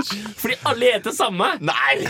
Og det var, nei jeg, jeg, jeg fant ut at, eh, at lampshade-hanging er eh, Is the, is, is the writer's trick of dealing with any element of the story that threatens the audience's willing suspension of belief. Altså veldig sånn eh, veldig, veldig sånn tilfelle der du istedenfor at de blir revet ut av sin, sin, sin fantasi ved at de ser på det og så bare Faen, dette er jo så feil! Så setter de et veldig lys på det og sier dette har forandret seg. Mm. Og så blir, man, så blir man ikke tatt ut av fantasien fordi fantasien erkjenner forandringen. Da lærte jeg noe i dag. Hey. Jeg må også si at for eksempel Brendan Sanderson, som endte opp med å ta opp Robert Jordan sin Wheel of Time-serie, og har skrevet en del episke serier, fantasy-serier selv, og det er Brendan Sanderson jeg og Jens Erik og leser om dagen. Eh, det kunne vært vanskelig å lage hans, eh, hans greier om til film. For eksempel hele første bok av eh, Stormwind-serien Stormlight Archive. Stormlight Archive, 80% eller 70% av første boka er Du tegner kulisser, og du tegner intriger, du tegner Mm. folka, du tegner alt. Og så bare Og så går det neste to, to, to bøkene, eller neste boka bare forsvinner i, i et paff av en av orgasme. Mm.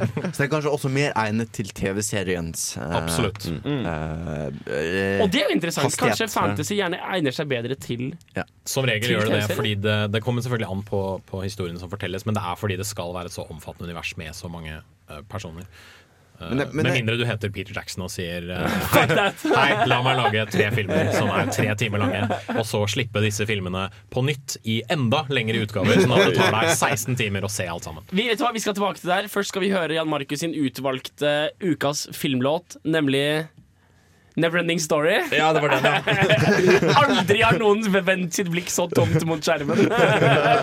Hvem? Hva? Er jeg, er jeg Jan Markus? Hvorfor har vi, hvorfor har vi valgt denne låta? Fordi uh, er fucking- catchy as fuck. Ja, det også.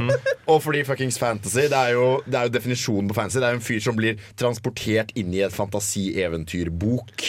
Og så er det bare det, sånn, det mest sånn cheesy, catchy 80-tallssynten noensinne laget. For, for musikknerder kan det nevnes at uh, musikken i Neverending Story er produsert av en mann ved navn Giorgio Moroder. Nei! Jo, jo, jo. I, I nyere tid gjort populær av Av Daft, Punk i Random Access? Memories-albumet. Vi skal ta og høre Neverending Story av Anyone? Uh, li, lila eller noe sånt. Lale. Lale.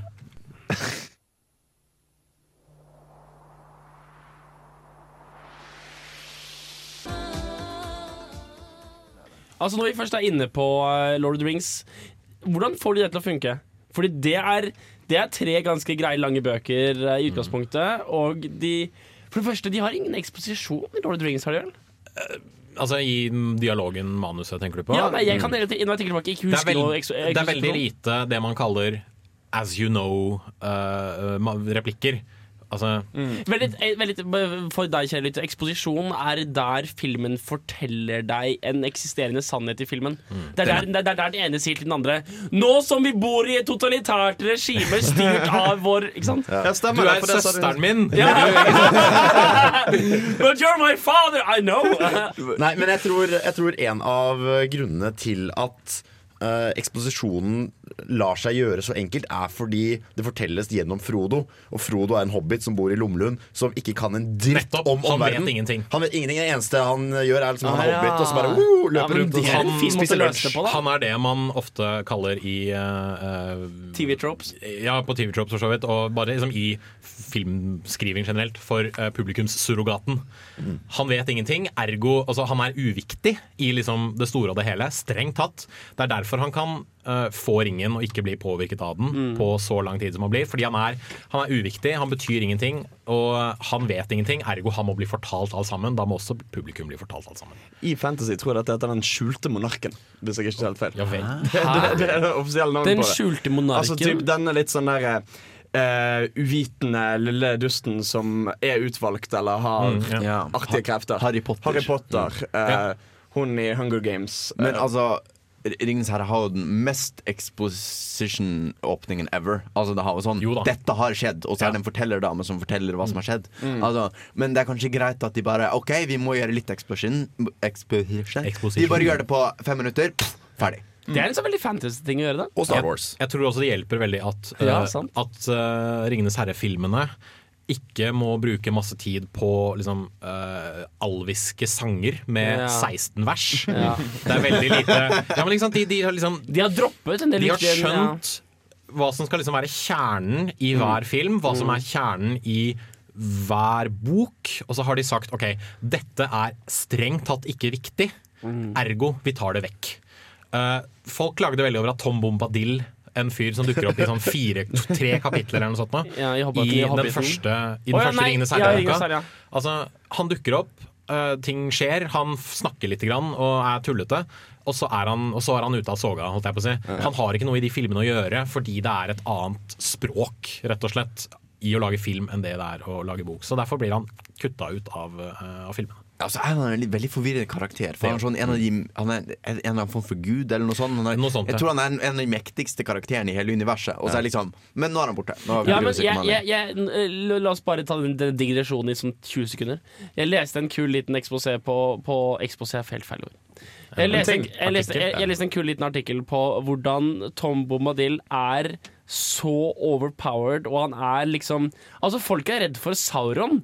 Mm. Grunnen til at ikke Tom Bandil tok over fuckings hele området, er fordi han gidder ikke. Han gir faen. Han chiller'n og drikker og puler rundt. Og Sauron sier jo i en av de der opp oppskriftsbøkene, altså jeg vet ikke om det er Silmarillion eller et eller annet sted, så sier Sauron at ja, det, det er Når jeg har tatt over så må jeg fortsatt jobbe med Tom Bombadil. Mhm. Jeg må fortsatt få han tatt. Og folk har liksom analysert det og sier ja, nei, Tom Bombadil kommer ikke til å bli slått. Han bare kommer til å stikke når han ikke gidder mer. Da stikker han til en annen verden, en annen, en annen virkelighet. Det Det er det, også- er, litt kult at en såpass episk karakter bare liksom, ja, nei, Tom, Men- han, han, han, han, han står der. Det er også en litt sånn typisk fantasy-trope. Det at en rollefigur er så mektig at alt liksom bare Alt kjeder han lite grann. Mm. Så han trekker seg bare liksom langt ut av verden, blir en eneboer, blir litt sånn sprø. Og, og ferdig med det. Så liksom, stor makt i fantasy fører enten til kjedsomhet og dermed uh, sprø opplevelser Eller- i en hule et eller annet sted. eller eller kjedsomhet, korrupsjon, ondskap etc. Dr. Manhattan er et utmerket Yes. eh, eksempel på det. Men altså så Dere sier at altså, OK, unnskyld meg, en, en temaskifte. Superhelter er ikke fantasy? Innimellom jo Men, altså, jeg syns ikke det er nyttig å kalle det for det. Fordi Hvis jeg hadde sagt Å, jeg vil se en fantasyfilm, så hadde du ikke foreslått, eh, foreslått X-Men. Nettopp. Altså I praksis så er det ikke Nei, men det er Men, men det man kan si, er at superhelthistorier generelt er en form for moderne eventyr. Ja. Med kanskje litt mer feil, menneskelige feil og mangler enn det f.eks. Askeladden hadde. Det var liksom ikke noe galt med Askeladden sånn i det hele tatt. Ah, han er jo litt Eh, sånn men det er, noe, det, er noe, det er noe galt med Captain America på et vis. Ikke sant? Han er en mann ute av tid. Eh, det er noe galt med Tony Stark. Han har en hjernesvulst eller noe splinterhjerte eller hva faen det er. Eh, Sånne ting. Men, men altså, som, så godt som alle superheltting er jo sci-fi eller fancy per def, men en kaller det på en måte bare ikke for det. Ja. Det er nyttigere å bruke et mer spesifikt Ja, begrep. ja, for det har blitt en så stor ting i seg sjøl at det har på en måte blitt sin egen undersjanger i hva det heter, fantastisk eh, litteratur. Ja, ja. Eh, Fellesbetegnelsen, tror jeg. Ok, Så jeg anbefalte Willy Wonka and the Chocolate Factory med The Amazing Gene Wilder. Har du noen andre enn fantasy de har lyst til å anbefale? Hans. Eh, jeg, jeg har veldig lyst til å anbefale en Studio Ghibli-film som heter 'Prinsesse Mononoke'. Den har jeg ikke sett. Eh, det er en dødskul, eh, dødskul film eh, som tar for seg veldig mye sånn der eh, japansk eh, hva, hva heter det sånn naturovertro? Eh, med, med sånne her dyreguder og sånn. Jo, men det er jo veldig Ghibli-aktig, er det ikke det? Ja. For de uinnvidde og uinformerte, hva er, hvem er Ghibli? Hva er Ghibli? Studio Ghibli er basically ego-factoryen til han der Miyazaki. Som lager altså Chihiro heksene, Totoro um, Hayao Miyazaki! Howl's Moving Castle. Kikis Delivery Service. Alle de der. eh, alt mulig rart. Litt sånn japansk Disney? Ja, altså Hayao Miyazaki har blitt sammenlignet med Walt Disney, og jeg vil tørre å påstå at det Studio Ghibli gjør, er sammenlignbart med Disney sånn, i liksom den store Disney-renessansen på 90-tallet. Det at de lagde veldig gode, veldig mm. dype familiefilmer. For det er, eh, det er også veldig mye fokus på det der håndverket og tegningen og liksom sitte og nærhet til kunsten. Og De er en av de få studioene i Japan som fortsatt animerer ting for hånd. Fordi Miyazaki, som styrer hele skiten, er veldig anti-datamaskiner. Han syns datamaskiner er noe dritt. Eh, Så han vil at liksom alle de skal, skal, skal, alt som skal animeres for hånd. Og det resulterer i en, en stil som er veldig veldig pen, men også veldig detaljrik, i hvert fall på bakgrunnene. Det ser ut som, altså hvis du, Når du ser en Ghibli-film, så ser det ut som en grafisk designer rett og slett bare har hva skal jeg si fått en enorm eh, kunstorgasme på papiret. Ja, er- Og bare tegnet inn så mange detaljer han kan. Det, den kjenner jeg veldig igjen i. Og det er jo som det Studio, Studio Ghibli-animene er såpass cinematografiske. De er veldig bevisste ved bruk av transisjoner. Det er veldig, de er veldig bevisste ved hvordan de iscenesetter ting. Det er utrolig vakkert. Og det er, Walt uh, Disney, eh, Disney har jo en, har jo en greie om å ha sånne, ha sånne små shorts, eller serials, som er de, de moderne serialsene, uh, i begynnelsen av filmene. Og de er jo veldig vakre og veldig nydelige og veldig tankefulle. Og sånn Og det er jo det Studio lager. Det er den type anime de lager. Men det skjønner jeg jo også godt. da Hvis du liksom bruker fuckings sju år på å lage en film, så er det sånn, da vil du gjerne at det skal bli så bra som Ja, mulig. vil, du, vil dere si at man legger mer tanke i cinematografien i anime hvis du er nødt til å tegne hver fuckings frame istedenfor å, se- å, og, og computergenerere den? Tror det. Ja, for du må, du må faktisk Alt sette må deg ned. Alt Du må, mye mer. Du må sette deg ned og bokstavelig talt tegne sekund for sekund. Du, du vet hvordan hvert eneste sekund i filmen skal se ut. Og så får du mindre triks. Altså mindre sånn Altså forstørre og forminske elementer eh, med sånn fake Photoshop. Eh. Zoom and Ja, sånn bare cop- copy-paste bakgrunnen. Ja, og liksom. Ja, kult. Mange av de sånn eh, eh, animeene som kommer hver uke, de gjør mye sånn billige Ja. triks. Så anime er en, er en god, er en god uh, palett for fantasyfilmer? Ja, jeg vil jo for så vidt si det, men nå er det jo han som skal få snakke om jeg vil hevde at det er en forskjell på altså typ anime-serie og disse filmene. Ja, absolutt. Uh, både si kvalitet og i form. Uh, jeg er ikke egentlig veldig stor uh, anime-fan, men jeg liker veldig godt Miyazaki-tingene.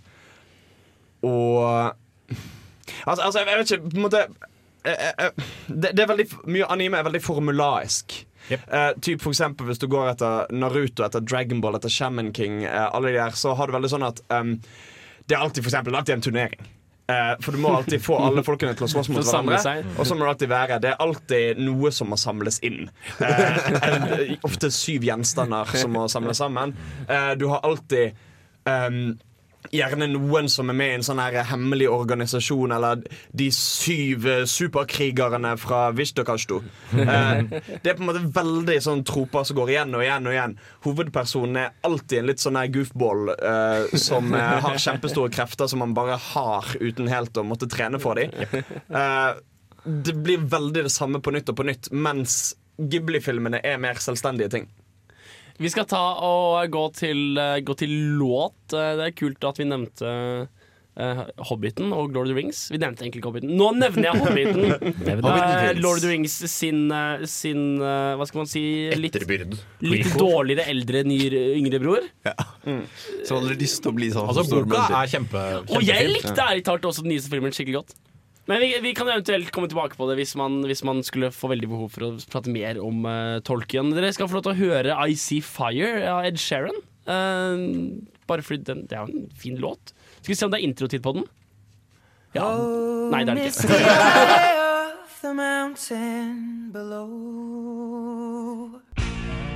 Hei! Hei! Det er ikke en 90s sitcom-flashback. Ta og Skru på noe annet.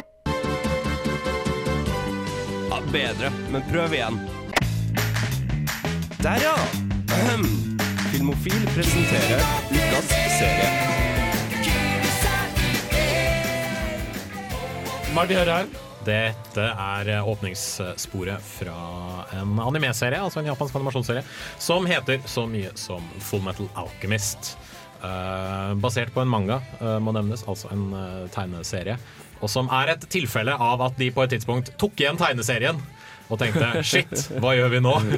Vel, uh, vi lager vår egen historie. Så bare, uh, ja, midt uti så går det liksom sin egen vei. Ja, Jan. Mens Jens Erik, jeg vet ingenting om denne serien. Hva er det? Nei, uh, Full Metal Alchemist er på sett og vis en oppveksthistorie i en fantasyverden som ligner veldig på vår egen, men der vi på et tidspunkt utviklet um, elektronikk og eh, atomvåpen og datamaskiner, så utviklet de i denne verdenen alkymi. De låste opp eh, hemmeligheten for alkymi og fant ut at hei, eh, vi kan ta ting, og så kan vi omforme det til noe annet, gitt at det har eh, det samme i seg. på en måte. Så Du kan for eksempel ta en ødelagt radio, så kan du tegne en alkymisirkel, og så kan du reparere og lage en ny radio. Eh, men uh, alkymien har lover og regler som aldri må brytes. og Det er annet at du kan ikke transformere mennesker.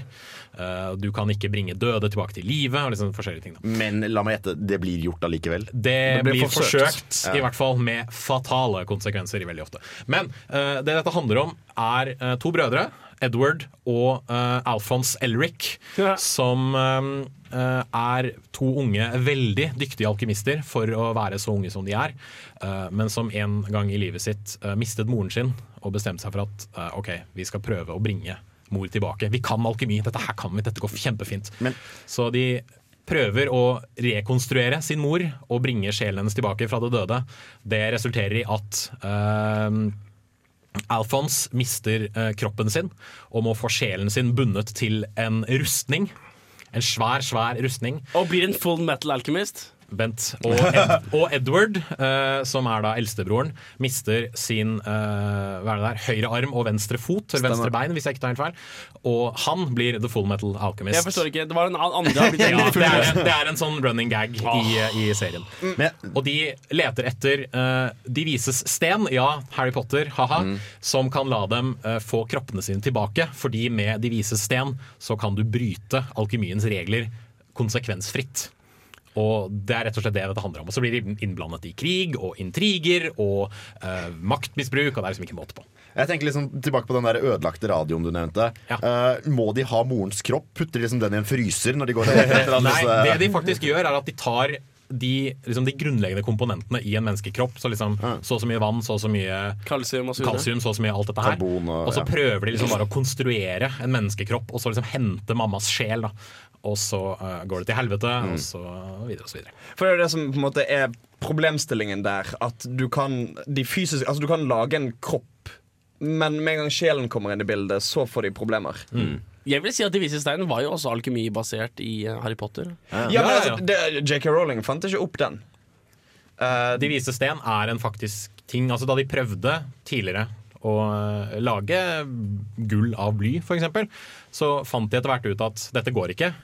Så derfor må det kanskje eksistere noe som lar oss gjøre dette, og det kalte de da de vises. Men det er jo- Dette er en faktisk ting som folk har trodd Men det er jo eh, det er, Ja, jeg holdt på å si noe som bare bekrefter at jeg vet at bly og gull er forskjellige grunnelementer. Så la oss gå videre. Eh, Nei, akkurat, akkurat som at I moderne matematikk så har vi funnet opp et tall som heter i. Så fant de opp en stein som het vise stein, for den måtte eksistere. For at det skulle gå opp. Fordi Eh, det er åpenbart. Ikke at det nødvendigvis går opp, men eh, Det som jeg liker veldig godt med Full Metal Alchemist, er at i likhet med veldig, mye, veldig mange fancy historier så foregår dette her Det er en veldig nær personlig historie som foregår i en veldig stor og omfattende verden med veldig mange rollefigurer og veldig mange byer, veldig mange hendelser. Men samtidig så er alt koblet til Edward og Alphonse.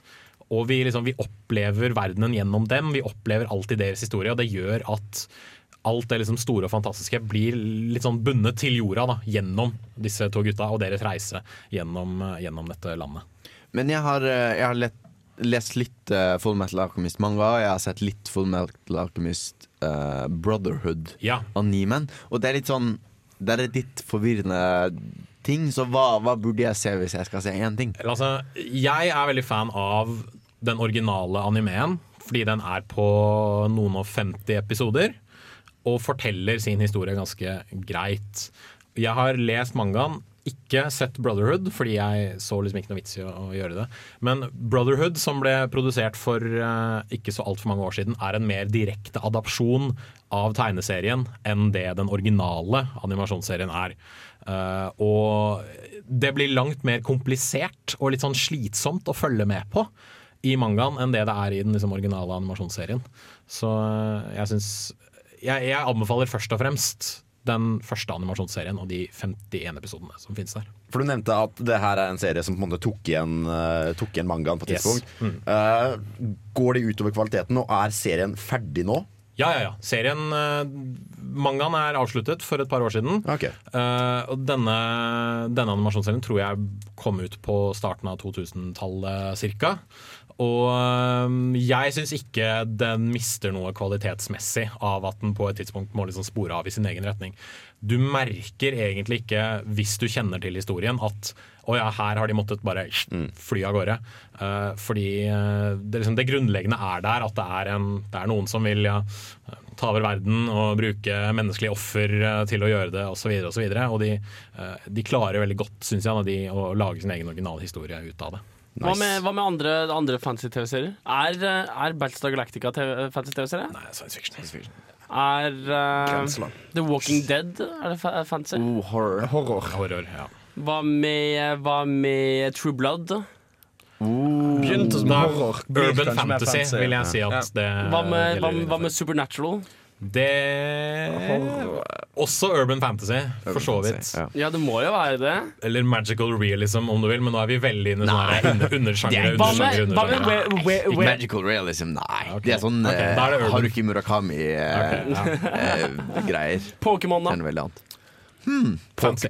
Ja, vet du hva? For faen. Med litt science fiction, for så vidt, men eh, Ja, nei, men Det vil jeg si er en fantasy-serie. Ja. Herregud, nostalgiflashback. Men det er litt spennende. Altså, ting jeg, serier jeg så før jeg hadde de begrepene. Ja. Og så når jeg ettertid sånn Ja visst faen. Mm. Litt sånn, shit, Pokémon var en GRPG, da. Altså, RPG. Altså, og det var fantasy, og det var alt mulig. Men jeg visste ikke at det var det. Så jeg så Ju, det. Juli Blåfjell. Er det Eventyr, ja. Fantasy. Ja, men Eventyr stort sett er jo fantasy, da. Askeladden og riddere og Men har dere noen andre uh, serieanbefalinger for oss før vi, før vi går til uh, låt? Uh, Game of fucking Thrones? Game of Thrones skal man se. Skal man se den der Star Wars The Clone Wars? Uh, Den blir ikke så verst etter hvert, men de første episodene er ganske Altså Det begynte som en veldig barne-TV-serie, og så innser de at ok, veldig mange av de som ser serien, er faktisk Eldre. 20 år gamle nerder som er med på radioprogrammer, f.eks. Adventure Time! Ja! Er det, er det fantasy? Hvis Ja. pokker at det er Ja, det er mer fantasy. sånn enn en fantasy. Så det kan ikke være morsomt. Nei, jeg vet ikke. Jeg føler at jeg, Hva med Pushing Daisies, da? Er det fancy? Ja. er det? Magisk realisme. Ja, så Pushing Daisies er da mitt, min, eh, min anbefaling. Det er en kjempefin serie. Alle seriene som finnes. Jo, men altså, for jeg- Det er jo litt oppdagelse. Vi tar på en måte vår, vår kjære lyttere her med på med på tingene vi syns er kult. da Og sånn som jeg selv når jeg prater med dere, så ender jeg opp med en mye fullere watchlist på IMDb enn når samtalen begynte.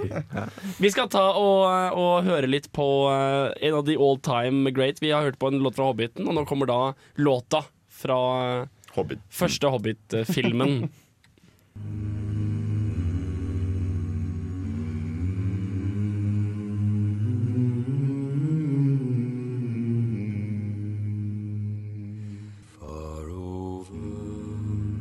Og der begynte de på nytt. Og det er, det er en folkesang, og det er greit nok, men på Radio, Radio Revolt så trenger det ikke være en låt mer enn en én gang. Henrik Tålmodighetsgud. Ja, så eh, vi har nevnt litt diverse anbefalinger. Har det noen anbefalinger vi har, vi har glemt? Jeg føler at det er sånn anbefalt drevet sendingene her. Ja, men hvorfor ikke? Bare sånn innenfor fantasy generelt. Ja. Um, jeg ønsker å slå et slag for uh, en film som egentlig ikke er kjempebra, men som har veldig mange elementer i seg som, som på en måte løfter den litt sånn opp. Er det Mad Max? Nei, det er ikke Mad Max. Eh, det er uh, Highlander. Ja! Oi! Ja, for det er han udødelige med sverdet som jeg ikke har sett. Ja, det stemmer. Eh, og liksom ikke, Egentlig ikke en kjempegod film, sånn, sånn, sånn generelt sett, men den har som nevnt en del elementer som, som putter den veldig opp. da Og det ene er uh, skurken, uh, The Kurgan, spilt av uh, Clancy Brown.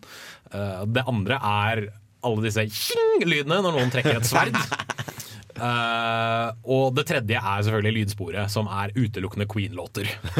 Wow. uh, og uh, Sean Connery i en av hovedrollene som Nå skal jeg bare passe på at jeg får dette her riktig. Sean Connery er en skotte, altså han er skotsk. I filmen spiller han en egypter. Å nei. Med, med skotsk aksent, oh, som har et spansk navn. Oh, Og, og slåss med et japansk sverd.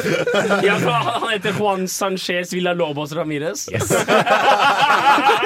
og som han så nydelig sier i en av episodene I'm not Spanish, I'm Egyptian. Eh, men jo, altså, kort fortalt, det handler om at det finnes udødelige mennesker i verden. Den eneste måten å drepe en udødelig person på, er å kappe av dem hodet. Eh, alle de udødelige kjemper om the prize, altså noe de ikke helt vet hva er, men noe de bare må gjøre. Og så, eh, så blir det slåssing og, Er det en, og sverdkamper. er det en 80-tallsfilm, liksom? Ja, den er veldig, veldig 80-tall, men uh, jeg digger det. Det er skikkelig skikkelig kult. Og uh, hovedpersonen i denne filmen er uh, Altså, han skal egentlig være skotsk, for han heter Conor MacLeod. Han spilles av en amerikaner som er født og oppvokst i Frankrike. Uh, som De gir så faen med castinga her. Det er helt vilt. som snakker veldig rart. Uh, På et tidspunkt i filmen så er det en som sier You talk funny, Nash. Where are you from? Og så svarer han Lots of different places. Fordi sånn snakker han. Han, han, han Russell Mulkey som har laget eh, Som var director i filmen, er da uh, Resident Evil Extinction og Ja. Teen Wolf. Har han, eh, han har vært med Jeg kan også anbefale Teen Wolf, for den er faktisk ganske Ikke TV-serien, filmen. ja. 80-tallsfilmen Teen Wolf oh, ja. med uh, Marty McFly i hovedrollen, holdt jeg på å si, er en eh, knall 80-tallsfilm. What the fuck? Eh, ja. Apropos 80-tallsfilm. Det er Michael J. Fox! Ja, Ja, Hvorfor har jeg ikke sett den? Pre Back to the Future. Oh, shit. Men apropos 80-tallsfilm, jeg vet ikke om noen har fått med seg den True Survivor av, med Hasselhoff. Som, nei! som er da musikkvideoen til en Kong film. Fury. Kung Fury, som er en faktisk film. Jeg så den traileren til Kung Fury. Altså ikke musikkvideoen, men traileren. Og jeg tenkte wow, dette var en dritmorsom køddetrailer til en film de ikke skal lage. Og så er det en film de skal lage, eh, som inkluderer å hacke seg tilbake i tid for å drepe Hitler. Og det gjør de med en sånn Nintendo Power Glove. Oh, nei. Sånn den kontro kontrollgreien som er en hanske. Dette tror jeg jeg har sett klipp fra. Eh, og det, er- det er helt utrolig fantastisk. Det ser helt jævlig ut. jeg, jeg kødder ikke. Jeg har så lite tro på den filmen. Vet du hva, jeg tror den veldig morsomt. Mest fordi, og dette her, dette her det stempler meg veldig som en gretten gammel gubbe, men jo flere folk som liker noe, jo mindre liker jeg det selv. Eller jo mindre har jeg lyst til å like det. Og jeg liker veldig mye som er populært. Avengers-filmene, altså Marvel-filmene. Kjempekule filmer. Men den derre Kong Fury-traileren og liksom den filmen har blitt så altfor Populær? Ikke populær, men den, altså alle bare sånn Å, faen, dette her kommer til å bli kjempebra! Ikke sant? Det er alt internett sier om den filmen. Og det, hver gang jeg hører noen si det, så tenker jeg nei, dette blir bæsj. Dette blir bæsj. Dette liker jeg ikke. Dette blir bæsj. Jens Erik no like! Jens Altså, jeg tenker det blir som den å, hva, eh, st- eh, Steel Sky? Er det den? Nei, Iron Sky. Iron Iron Sky, Sky. Iron Sky. uh, Iron Sky Altså er den bare en halvtime, sånn at den fortsatt er morsom. For Iron Sky var veldig, var veldig morsomt, men så var den litt lang. En, ja. en finsk crowdsourca film om nazier på månen. Ja. Ja. Det er Iron Sky. Iron Sky, ja. ja. Det er jo Den er Bare fordi folk støtter det, betyr ikke at det er bra. Nei. Men Har du sett den? Nei, Jeg, altså, jeg så et åpningen, og så bytta jeg. den, den har sine øyeblikk. Det er en sånn film jeg hadde på i bakgrunnen. Altså, Hvert 50 minutt så er det sånn Å, gidder jeg å se på det her? Nei. Altså, Det gjorde liksom andre ting. Jeg tror jeg leste Jeg koste meg glugg i Iron Sky. Så Altså, det er fulle Ja, så den liker du. Fuck dere. Den liker liker du. Den liker. Fordi den så jeg på kino og syntes var kjempemorsom.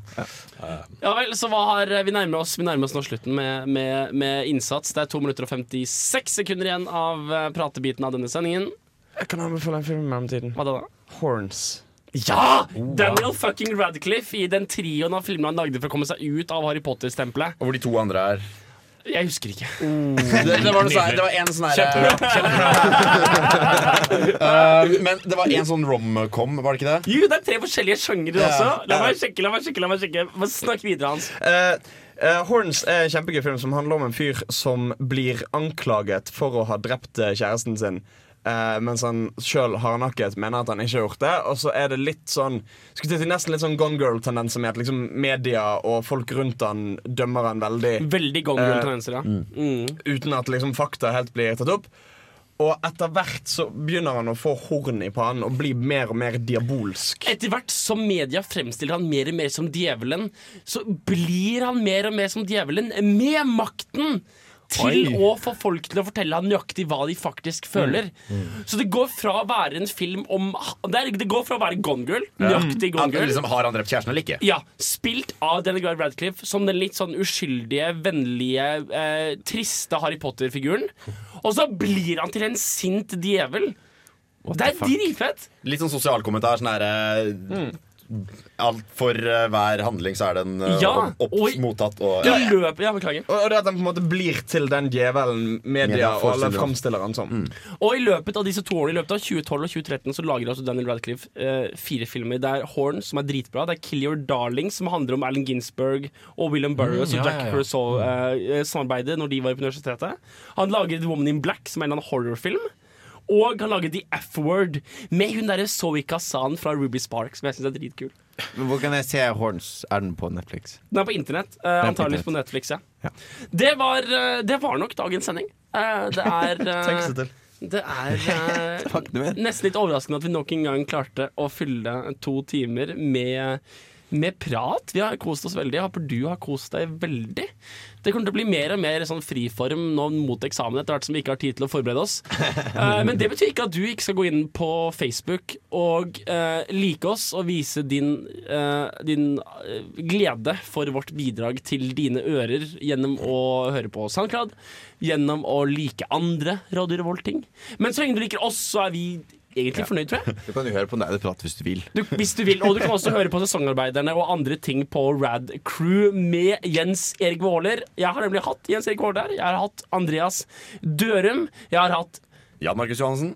Hans Ysternes. Og jeg har vært Henrik Gill Nigel. Det har vært så hyggelig å ha deg. Uh, det har vært så hyggelig å være i dine ører og komme i dine ører i to sammenhengende deilige Jeg lurte timer. på når du skulle tråkke over grensa. Uh, du får ha en meget gorka, så ses vi. Nå får du Sigurd Ros med The Rains of Castamere. Hei da.